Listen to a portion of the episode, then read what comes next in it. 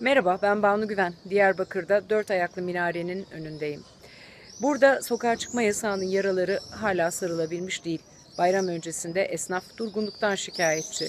Seçmen 7 Haziran'la 1 Kasım arasında sıkışmış donmuş gibi görünüyor. HDP'nin oy kazanabileceği, AKP'nin ise kaybedebileceği ortaya çıkıyor. Diyarbakır izlenimlerini Deutsche Welle Türkçe'de sizler için yazdım.